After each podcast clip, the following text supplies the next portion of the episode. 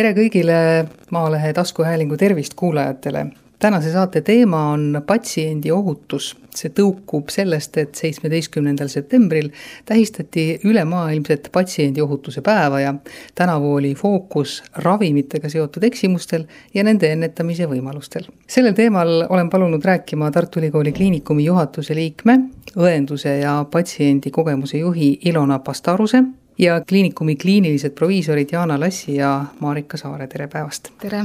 tere! tere! no kõigepealt võib ju mõelda niipidi, et kõikvõimalike ravimite andmine peaks olema tehtud nii ohutuks kui vähegi võimalik patsiendi jaoks. kuidas tegelikult see asi on, kui palju seda üldse saab nii-öelda nagu ohutuks teha? Kui ma värskelt läbisin ravimite vigade kursuse, äh, mis ju selle patsiendi ohutuse päeva raames välja tuli, siis seal oli näha, kuidas meie kolleegid proviisorid on kirjutanud, et ravimini jõudmiseks läheb kuskil keskmiselt kolmkümmend sammu, et see on päris pikk protsess. nii et selle aja jooksul mingisuguseid eksimusi sisse lasta on, on ilmselt üsna lihtne. küll oli seal samamoodi ka kirjas, et teoreetiliselt on kõik ravimitega seotud eksimused välditavad noh, siin hea meelega kuulakski meie proviisorite arvamust, kas see tõepoolest on teoreetiliselt nii? teoreetiliselt, aga see eeldab seda, et esiteks keegi on läbi mõelnud kõik need etapid, kus viga võib äh, juhtuda ravimite manustamisel, teiseks, et on siis võetud ette mingisugused tegevused ja et kolmandaks, et nende tegevuste korrektsest tegemisest siis ka kinni peetakse, et me apteekritena tõesti haiglas oleme kõik need ravimi apteegilaost kuni patsiendi sissejõudmise sammud nii-öelda kaardistanud ja üritanud seda teekonda teha nii ohutuks kui võimalik, aga nii inimliku eksimise kui ka noh, kohati uute võimaluste tõttu, kust mingi viga välja vupsab, tõttu ikkagi need vead juhtuvad kus need vead juhtuvad, kas nad juhtuvad siis, kui patsient ise neid ravimeid võtab või võivad nad juhtuda juba kusagil äh, varasemas etapis, ütleme, mis need põhilised vead on? kõige sagedamini tegelikult on näidatud, et vead tekivad siis, kui inimene liigub ühest ravietapist teise. see on hetk, kus on vaja see ravimikorraldus, äh, kuidas see ravim on täpselt soovitud inimesele anda või määrata, et kuidas see soovitus peab ka liikuma sinna järgmisesse etappi näiteks on inimene haiglas, siis ta läheb koju ja sellega seoses siis äh, on vaja, et ta saaks õiged retseptid, et ta teaks täpselt, mida ta võtab, kuidas ta võtab, et haiglas antakse talle topsiga tabletid kätte, kodus ta peab ise hakkama saama, aru saama, mis ravimit ta võtab, millal, mille jaoks, mida jälgida ja selle info edastamine just äh, haiglast koju patsiendile kaasa ongi üks selline väga suur või kõige suurem äh, vigade tekkimise koht, et inimene läheb koju ja ta täpselt aru ei saa, miks ta peab mõnda tabletti võtma ja siis ta võtab seda valesti või ei võta üldse. aga viga tekib siis äh,, kuidas öelda, halva seletamise tagajärjel või selle tagajärjel, et patsient siis kas ei saa aru või siis ta äkki ei kuulagi nii tähelepanelikult? Jah, et see on kindlasti, on seal, võivad vead olla selles süsteemis, et me eeldame, et äh, patsient kuulab, kui me räägime talle, et kuidas ravimit võtta, aga ta seda meelde ei jäta või aru ei saa. Ja kindlasti ka on võimalus seal seda, kindlasti seda süsteemi parandada just läbi mõeldes, kuidas seda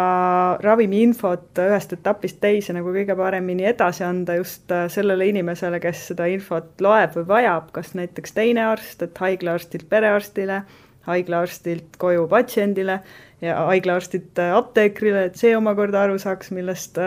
on vaja patsiendile edasi täpsemalt rääkida. Ja ma mõtlen, et patsiendil peaks olema võib-olla ka võimalus, et kui ta tõesti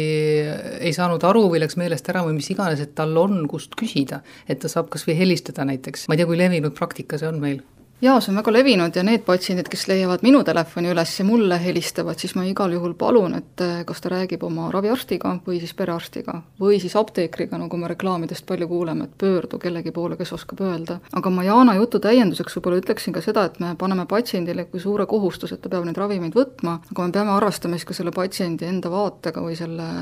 tundega, mis tekib, et kas see ravim, võib-olla see maitseb halvasti, lõhnab halvasti, tekivad kõrvaltoimed selle kõige juures, võib-olla selle ravimi hind on kõrge, et seal on muid asju ka, et mitte ainult tema teadmatus või siis soovimatus seda ravimit võtta lihtsalt tunde pärast, et seal on nagu muud komponendid ka juures vähemalt minu praktika ütleb küll, et kui ma lähen mingit retseptiravimit ostma, et siis apteeker ikkagi küsib vähemalt seda, et kas te teate, kuidasmoodi peab võtma seda ravimit täpselt, et seal vähemalt äh, võib ka äkki midagi saada ära korrigeeritud või? kindlasti apteegis ravimit väljastades apteeker annab ka juhised kaasa, aga noh, seal peab arvestama seda, et ega patsient, kui ta saab viis uut ravimit näiteks, siis kogu see info ei pruugi meelde jääda või, või koju jõudes on see hoopis teisiti meeles, et seetõttu ka see kirjalik materjal, et isegi kui tundub, et ah, küllap on meeles kõik, et see on ka oluline. ja võib-olla üks asi veel, mis selle ravimi infoga, et tihtipeale ju ka eeldab kas arst või apteeker, et noh, ravimipakis on ju ka infoleht kaasas, et patsient saab seda lugeda ja sealt kõik äh, omale vajamineva teada, et, et ka sellega oleme me kokku puutunud, et ega sealt selle vajaliku info leidmine ei pruugi olla alati nii lihtne, et seal võib-olla on rohkem kirjas kui vaja või on kirjas sellises keeles või sellises sõnastuses, millest patsient alati ei pruugi kõike omale vajalikku välja lugeda või aru saada hästi korraks kommenteerin ravimi infoleht, et minu ema on äh, ka paljusid ravimeid tarvitav ja tema on tõeline infolehtede fänn. aga ta teeb veel nõnda, et ta paneb ka minu proovile, et näiteks kui tal on uus ravim, ta on need infolehed läbi töötanud ja siis, kui mina tema juurde lähen, siis ta alati küsib, kas ma tean näiteks, mis selle ravimi kõrvaltoimed on. ehk siis noh, mul on ka iga kord eksam, kui ta uue ravimi saab, et mulle selline suhtumine väga meeldib, et mõni infoleht on vist nii hästi koostatud, et eakamad inimesed ka hea meelega loevad. jah, aga no mõnikord võiks meie hinnangul ka neid mitte nii väga väga lugeda, et eriti kui inimesel ei ole kõrvaltoimeid või sümptomeid, siis ka meile helistatakse tihti siia haiglaapteeki, et kui on käinud näiteks patsient mõne erialaspetsialisti juures, saanud sealt ravimi ja ega erialaspetsialisti ei ole lihtne telefoni teel kätte saada, et küsida siis need küsimused ära, mis tekivad selle ravimi kohta hiljem kodus, kui on rahulikult need pikad ravimi infolehed läbi loetud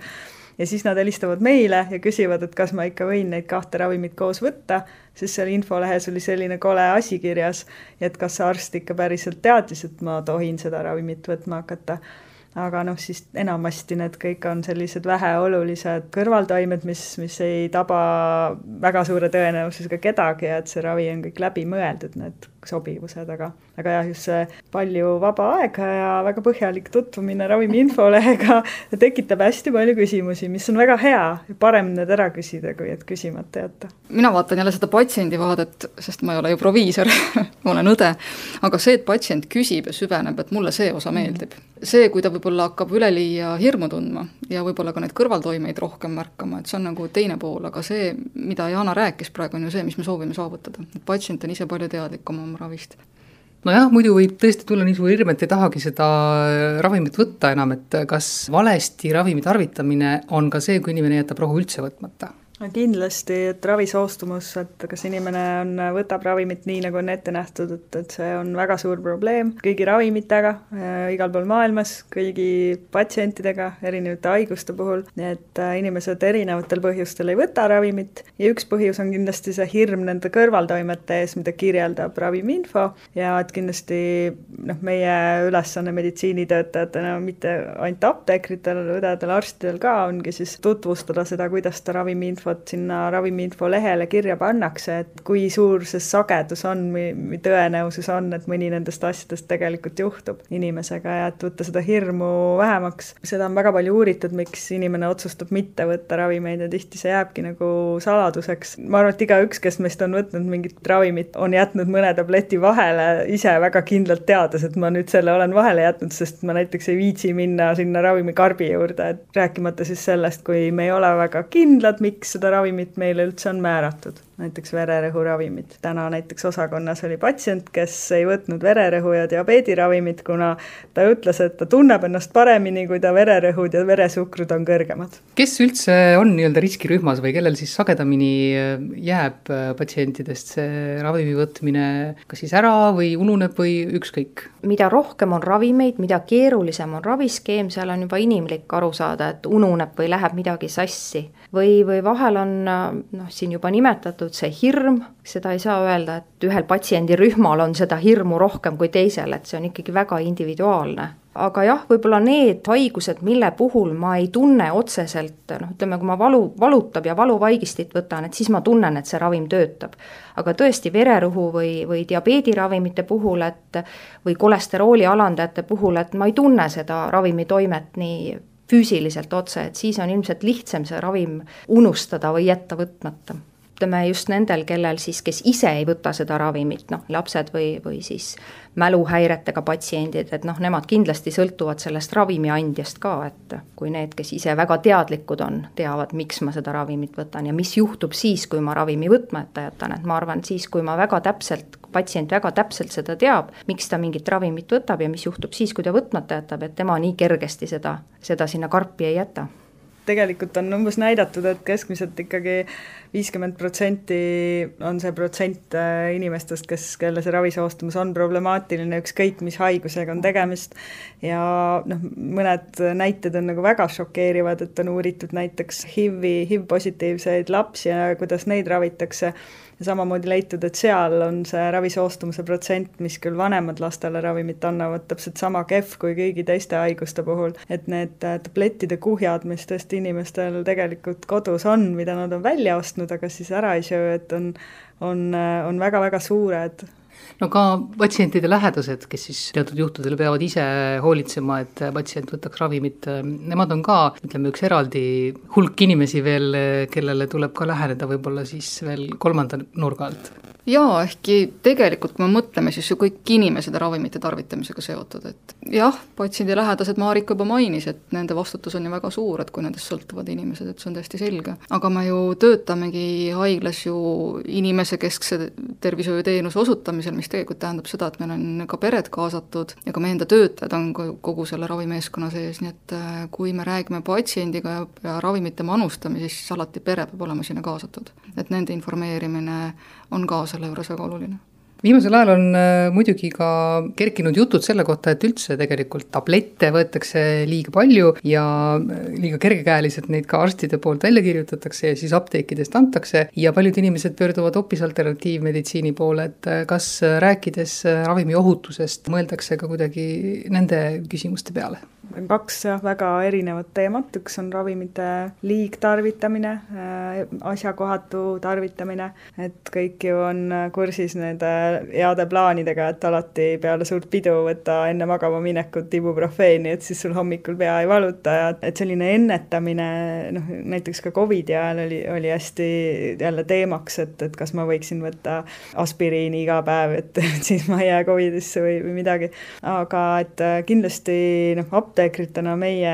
lõputult seletame seda, et kui ravimil ei ole näidustust, siis äh, ravimit ei pea kasutama ja tihti on ju inimestel haigused, mis paranevad äh, või, või ei vaja mingil hetkel enam ravi ja, ja siis noh, on kroonilised haigused, aga on siis mööduvad haigused ja paranevad haigused ja et inimene ise kindlasti peaks ka aru saama, et kas tema puhul on nüüd tegemist sellise haigusega, millega ta elu lõpuni võtab ravimit, enamasti näiteks vererõhk, kõrgvererõhk, tõbi, või on tegemist mingi haigusega, mis on mingil hetkel ikkagi möödub, näiteks mingi valu, ja nagu olema kursis, et ta seda ravimit ka ise taipab mingil hetkel lõpetada aga jah, selline, selle asja nimi inglise keeles, eesti keeles head nime ei ole, on deprescribing ja kui tulevad äh, patsiendid näiteks, kellel on palju erinevaid haigusi, kes käivad paljude erinevate arstide juures, need ravimid tekitavad neil omakorda kõrvaltoimeid, mida ravitakse omakorda ravimitega, et siis meil on ka näiteid, kus inimene tuleb perearsti kirjutatud paberiga haiglasse, et palun vaadake see raviskeem üle, et, et mina ei oska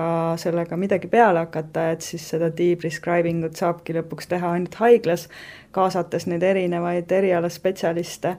nii et kohati jah, raviskeemides inimestel on ravimeid, mis seal olema ei peaks, millel mingisugust näidustust või vajadust ei ole. Ja et selle, see on oluline teema ja kindlasti kõik peaksid seda, kõik arstid peaksid seda nagu kriitiliselt vaatama. Ja ka patsiendid mõtlema, et miks ta võtab mõnda ravimit, kas ta endiselt peab seda võtma aga mis alternatiivmeditsiini puutub, et tõestamata toimega ravimite võtmine, et kas ka see on patsiendi ohutuse teema? kindlasti, sest äh, noh, meile on õpetatud juba esimesest äh, ülikooli päevast peale, et, et iga ravim on mürk, iga toimiv aine, ehk siis igal toimival ainel on ka alati kõrvaltoimed ja, ja nii-öelda kahjulikud toimed. Et samamoodi, et kui tundub, et looduslik aine on automaatselt ohutuses, siis nii see ei ole, et, et ka igal toidulisandil võivad olla oma soovimatud toimed, kahjulikud toimed ja ka koostoimed nende ravimitega, mida patsient patsient peab kindlasti võtma, et seetõttu äh, alati peaks mõtlema ka nende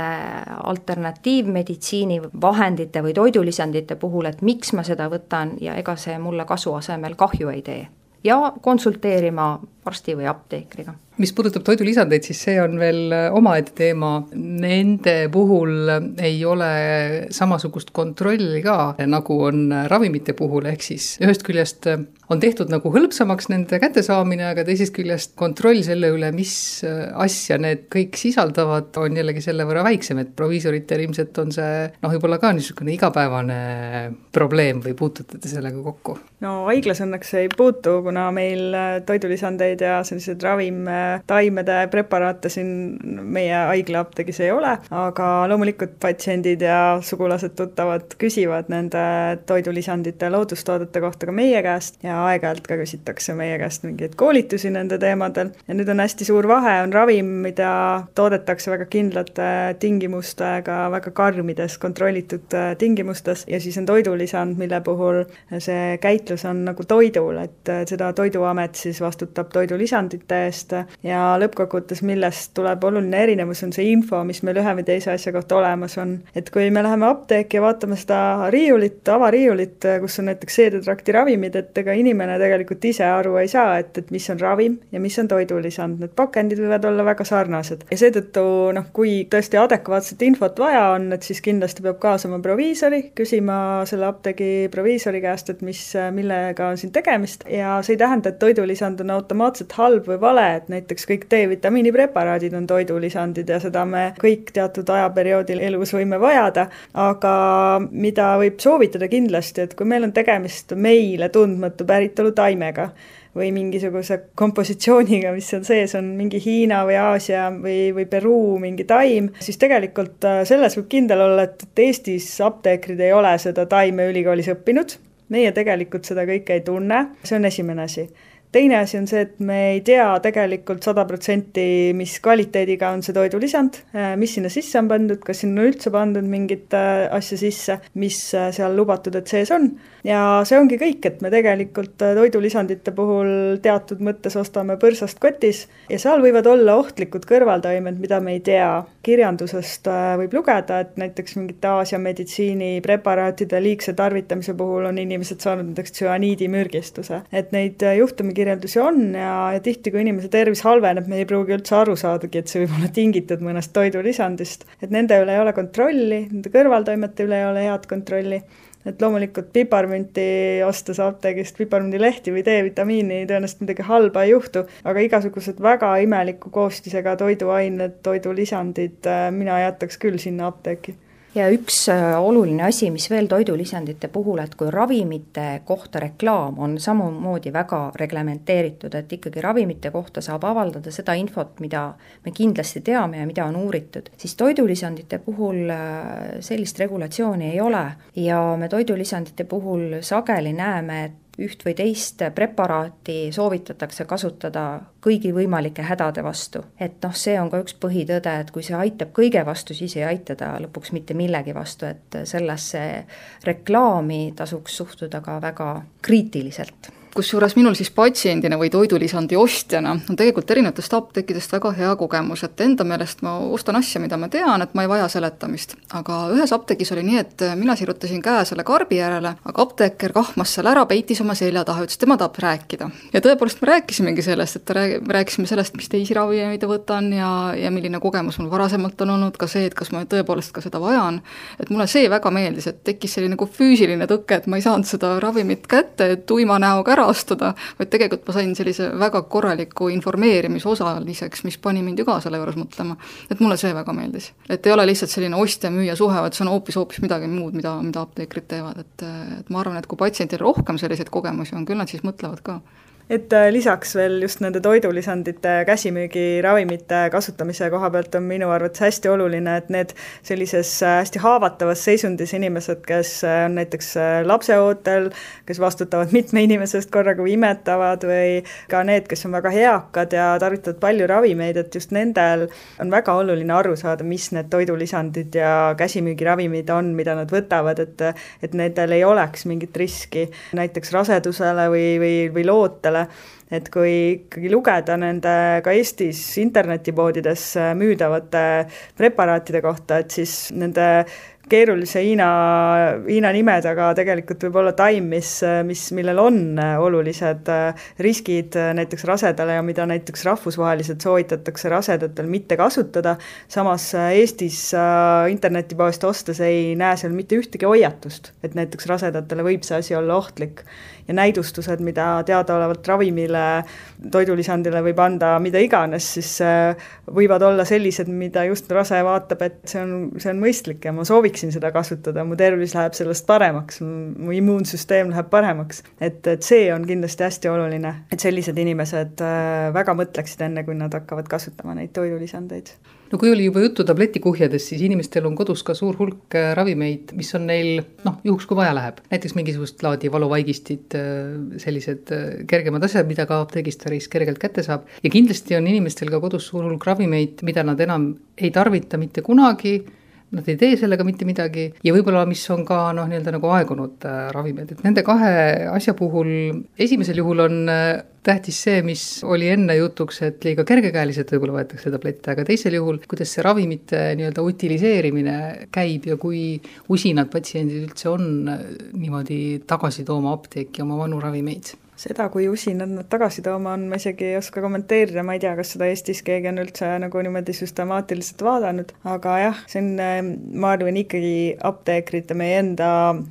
päris tegemata töö, aga kindlasti kehvasti tehtud töö, et inimesed äh, üldse seda paljud ei teagi, et äh, kasutamata mittevajalikud ravimid tuleks äh, kindlasti tagasi tuua apteeki. tegelikult mingit muud mõistlikku utiliseerimise meetodit neil ei olegi, et me ei saa neid visata kanalisatsiooni kindlasti mitte ega ka tavaprügisse. Ja see, et sa võid selle kotikesega minna apteeki, et see on inimestele võõras, minu hinnangul ka noortele inimestele teadmata informatsioon, mida peaks rohkem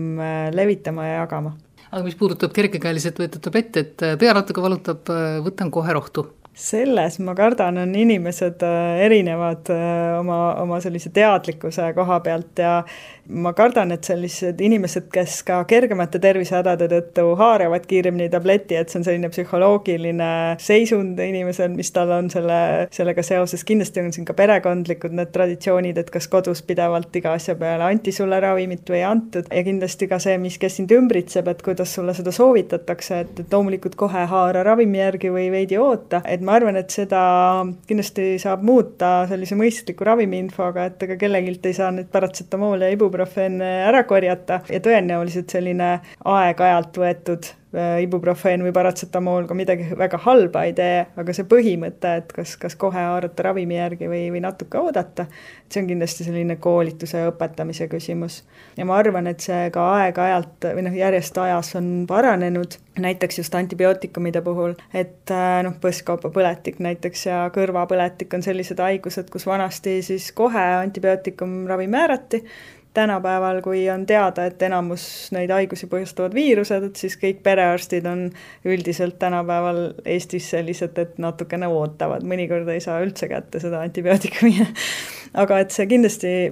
minu hinnangul on muutunud, see suhtumine, et ravimitega ei, ei alustata nii kiiresti, kui võib-olla noh, mõned aastakümned tagasi me oleme rääkinud ravimiohutuse teemal hästi palju sellest, mismoodi patsiendi vaatest kõik need asjad on, aga ka meditsiinitöötajad, noh, ei ole nii, et neid õpetatakse ja siis hiljem neile kunagi enam ei räägita, mismoodi ravimite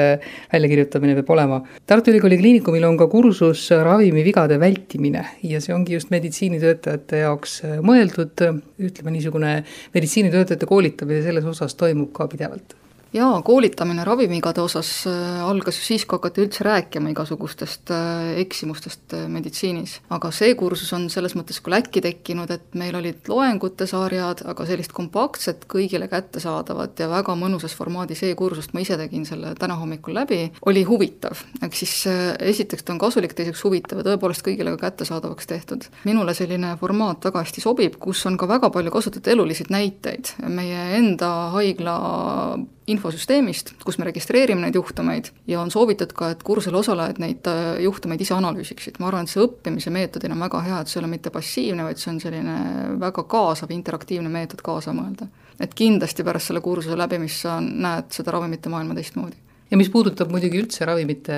määramist, väljakirjutamist, siis see on väga suur vastutus ja ükski arst ei võta seda kergelt kindlasti mitte, täna ju kuulasime ka, Marika Jaana ütles, kuidas tegelikult äh, on ravimite kasutamine, vähemalt see, mis retseptiravimeid puudutab, ju oluliselt vähenenud. see, mis mujal toimub, et see on isegi raskesti hoomatav selle, selle kõige juures, aga, aga sellise inimeste heatahtliku informeerimisega, võib-olla laiema pildi, ka keskkonnapildi sissetoomisega, ma arvan, et on võimalik äh, muuta neid mõttemaailma, eriti noorte seas, et nendesse meil on küll kõvasti usku aga tänase jutu kokkuvõtteks võib-olla on äh, kõige parem äh, tõdeda, et kui kõik teevad äh, oma asja hästi ja õieti, siis on ravimivigade vältimine täiesti võimalik. Jaa, täpselt see, millest me alustasime, teoreetiliselt sada protsenti ja meie soov on siis jõuda ka praktiliselt selleni